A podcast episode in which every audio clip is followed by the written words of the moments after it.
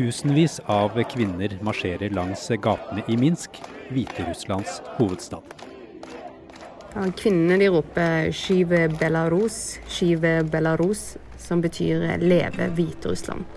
Og ut fra vinduer i boligblokker, parkerte biler, ja, ut av restauranter og butikker, så roper folk med, eller de klapper rytmen. Eh, og biler på veiene som, som ikke kommer seg fram pga. demonstrasjonene, de viser òg støtte med å tute rytmen da, i ved Belarus. De siste ukene har demonstrasjonene i landet vokst seg større og større. Bakteppet er han som kalles Europas siste diktator, og et folk som er både lei, sinte og vil ha forandring. Ja, altså Hver helg forlater hundretusenvis av hviterussere familie og barn for å gå ut i gatene og demonstrere. Og dette gjør de da helt frivillig og fredelig. Så i hus og leiligheter over hele landet så sitter det da igjen bekymra barn og, ja, og eldre. Eh, og de har jo òg gode grunner til å være bekymra, har det vist seg. Du hører Forklart fra Aftenposten. Mitt navn er Andreas Bakke Foss. I dag er det mandag 28.9, og vi skal være med Aftenpostens korrespondent Helene Skjeggestad og fotograf Dan Petter Negård til Hviterussland.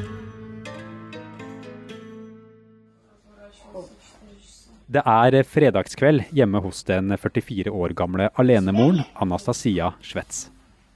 Straks kommer pizzabudet med mat til henne og de tre barna hennes. Ja, Anastasia bor i en sånn typisk blokk fra Øst-Europa. Eh, Bygga på 1950-1960-tallet, tipper jeg. Det var Aftenpostens eh, fotograf eh, Dan Petter Negård som var og møtte Anastasia i Minsk. Og hun tok imot han med åpne armer. Hun disker opp med kaffe, kaker og kjeks. Og så er hun veldig omsorgsfull og kjærlig med barna, og det virker som de har et veldig tett og nært forhold. Mens ungene spiser pizza, så forbereder Anastasia seg. Hun bretter ut et hviterussisk flagg, viser det frem til Aftenpostens fotograf, og holder det opp bak ryggen, litt som når idrettsutøvere løper i mål med flagget sitt vaiende over hodet. Hun legger flagget ned i en liten rød pose og putter det i den brune vesken. Nå mangler hun bare joggeskoene, så er hun klar for neste dag. Barna de, de vet hva som venter i helga. Mamma skal ut og demonstrere. De er naturligvis bekymra, selv om eldstemann på 16 år forsvarer mammas valg. Eh, så skal det jo vise seg at de har god grunn til å være redde. Republikken Hviterussland har nesten ti millioner innbyggere. I mange år så er landet blitt kalt Europas siste diktatur. Og det er fordi presidenten Aleksandr Lukasjenko har styrt landet med jernhånd de siste 26 årene.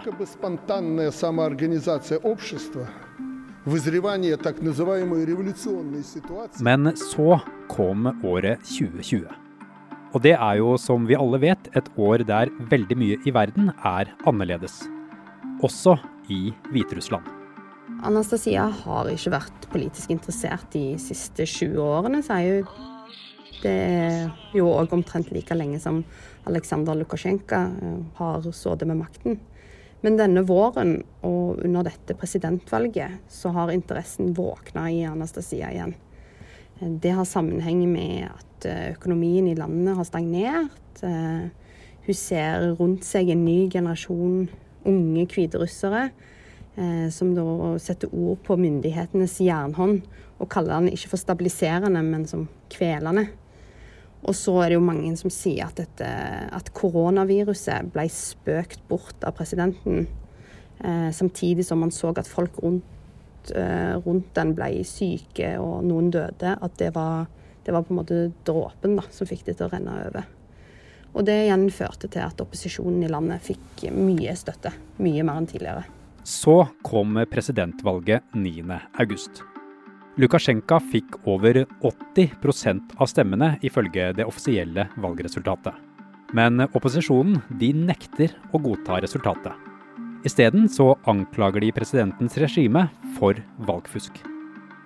I flere uker har derfor hundretusenvis av hviterussere demonstrert mot regimet. Eh, og det første kravet til hun og, de andre som er der ute, det er at Aleksandr Lukasjenko må gå.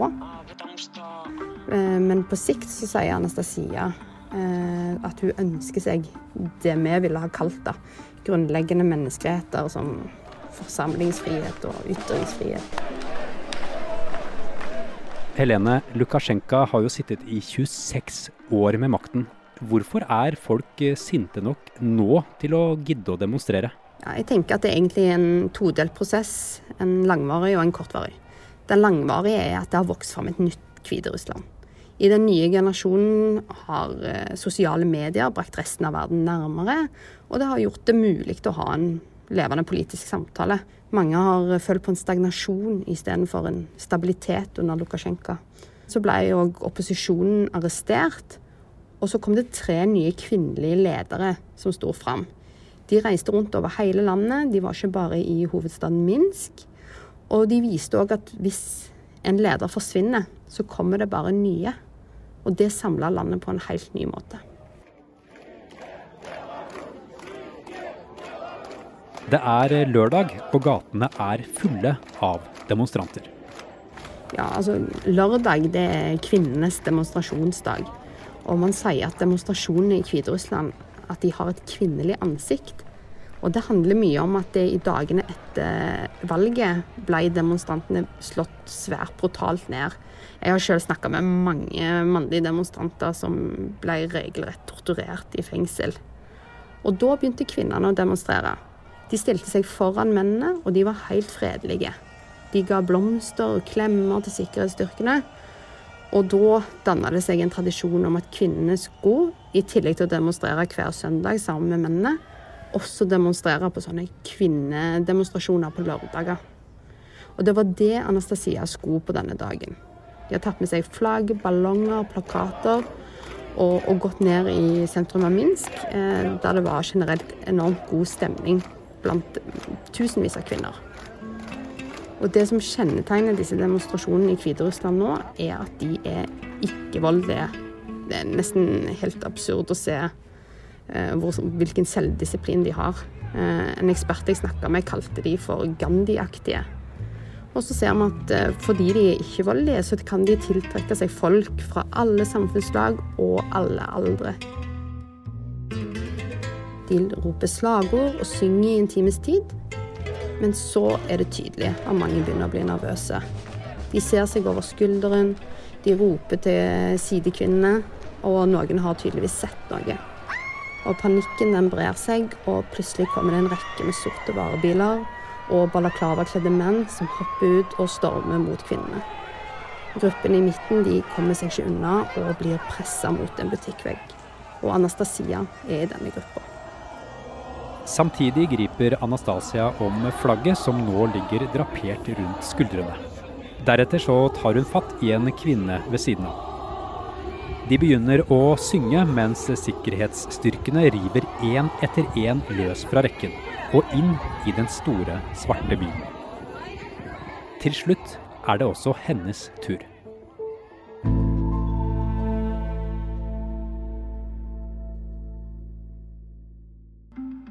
Denne lørdagen ble Anastasia arrestert for første gang i sitt liv.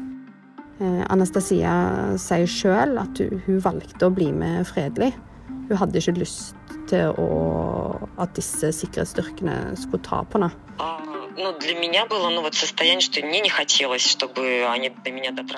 tilbringer noen timer i den sorte varebilen, og deretter flere timer i varetekt på en politistasjon. Og klokka ti over ni om kvelden så slipper Anastasia ut og blir tatt imot med klemmer og heiarop fra denne gjengen utenfor, da flesteparten ikke vet hvem hun er. Eh, Anastasia er ved ganske godt mot, men hun vil jo selvfølgelig hjem. Eh, hjem til de tre barna. Jeg syns jo at det er et vanlig trekk ved østeuropeere at de har et veldig sånn vakkert og bilderikt språk. Og det har jo definitivt òg kunstneren Anastasia. Eh, hun kaller bare sikkerhetsstyrkene for de hånlige øynene bak de sorte maskene. Og etter at hun hadde snakka med barna, så, så, tok hun den natta et valg. Hun ville ikke la de hånlige øynene bak maskene skremme henne. Og hun sier at enten står vi på for det demokratiet vi fortjener, eller så må jeg og barna forlate landet. Men hva er det som motiverer eh, Anastasia og de andre kvinnene til å gå ut i gatene igjen og igjen, eh, til tross for hard behandling fra myndighetene? Ja, Det er jo et veldig godt spørsmål. Det kan jo virke rart for oss. Ehm, jeg pleier å vise til Oksana Sjelest, som er en hviterussisk sosiolog som hver helg foretar intervjuer og undersøkelser eh, blant demonstrantene i gatene i Minsk. Hun peker på at flertallet blir veldig motivert av én, situasjonen i landet før presidentvalget. Og to, den brutale håndteringen av demonstrantene, særlig de første dagene etter valget. Så de får liksom mer lyst til å demonstrere jo hardere de blir møtt. Eh, og på Anastasia og flere andre demonstranter som jeg har snakka med, så merker jeg en, en, sterk følelse av nå eller aldri. Det står enormt mye på spill for dem, og mange tenker at de ikke kan gå tilbake, for da blir det enda verre enn det det var. Og dermed er det eneste de kan gjøre, er å fortsette å demonstrere. I et stort, overdådig rom med skinnende hvit og mørk marmor så står mange menn i svart dress og klapper. I enden av en rød løper med gullborder på hver sin side så står to æresvakter og holder Hviterusslands grønne og røde flagg. Bortover den røde løperen så kommer en skallet mann med litt grått hår på sidene og bak på hodet. Mens han går, så hilser han smilende og takker for applausen. Mannen er Hviterusslands president Aleksandr Lukasjenko. Han stiller seg opp ved talerstolen og holder sin høyre hånd på en bok som ligger ved siden av. Det er Hviterusslands grunnlov. Så tas Lukasjenko i ed for sin sjette periode som landets president.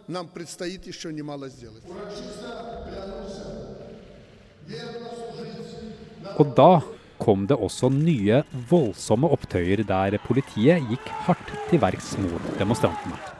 Og litt senere kom opposisjonslederen Svetlana Tikhanovskaja med en melding fra sin eksil i Litauen. Der sa hun at det er hun som er den virkelige lederen av landet nå, valgt av folket i Hviterussland. Я, Светлана Тихановская, являюсь единственным лидером, который был избран белорусским народом. И наша задача сейчас вместе построить новую Беларусь. Helene, her hører vi Tikhanovskaja si at målet er å bygge et eh, nytt Hviterussland. Hva består dette nye av? Det er et veldig interessant spørsmål. Og svaret er i stor grad vi vet ikke. Vi vet at hun vil sette politiske fanger fri, at hun vil gjøre endringer i Grunnloven, sånn at presidenten ikke kan sitte så lenge som presidenten måtte ønske, og at hun vil lyse ut nyvalg. Hun ble nesten irritert da hun i valgkampen fikk konkrete spørsmål om, om utenrikspolitikk, for det hadde hun jo ingen planer for. Men sett utenfra så virker dette nå som en uh, slags utholdenhetskamp mellom uh, presidenten og, og, hans myndigheter på den ene siden, og opposisjonen og demonstrantene på den andre. Hvordan vil denne kampen fortsette fremover? Nå ser det jo ut som det handler om hvor lenge opposisjonen orker, og hvor mange de klarer å mobilisere. Foreløpig ser det derfor ut som dette kan bli langvarig, og det kan trekke ut i månedsvis.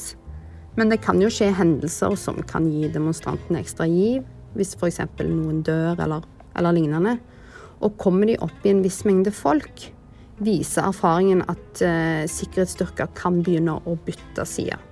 Og da kan det gå veldig fort. Hva er det som står på spill for Anastasia og de andre demonstrantene? Anastasia beskriver det som en, en, situasjon der det er umulig å gå tilbake til et kua og kontrollert liv. Ja, hun mener at hvis demonstrasjonene dør ut, så er det ikke noe liv for henne og barna i Hviterussland.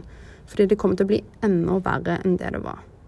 Så for henne så handler dette om kampen for å leve et verdig liv i landet hun elsker. Og for det er hun villig til å sette både egen frihet og helse i spill.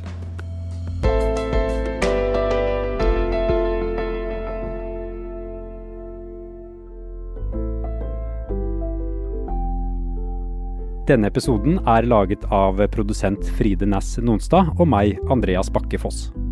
Dan Petter Negård har stått for lyden. Resten av Forklart-teamet er Marit Eriksdatter Gjelland, Anne Lindholm og Caroline Fossland. I denne episoden har du også hørt lyd fra nyhetsbyrået AP. Og du, nå finner du Forklart på Instagram, hvor du f.eks. hver fredag vil få en nyhetsquiz. Søk opp Forklart på Instagram.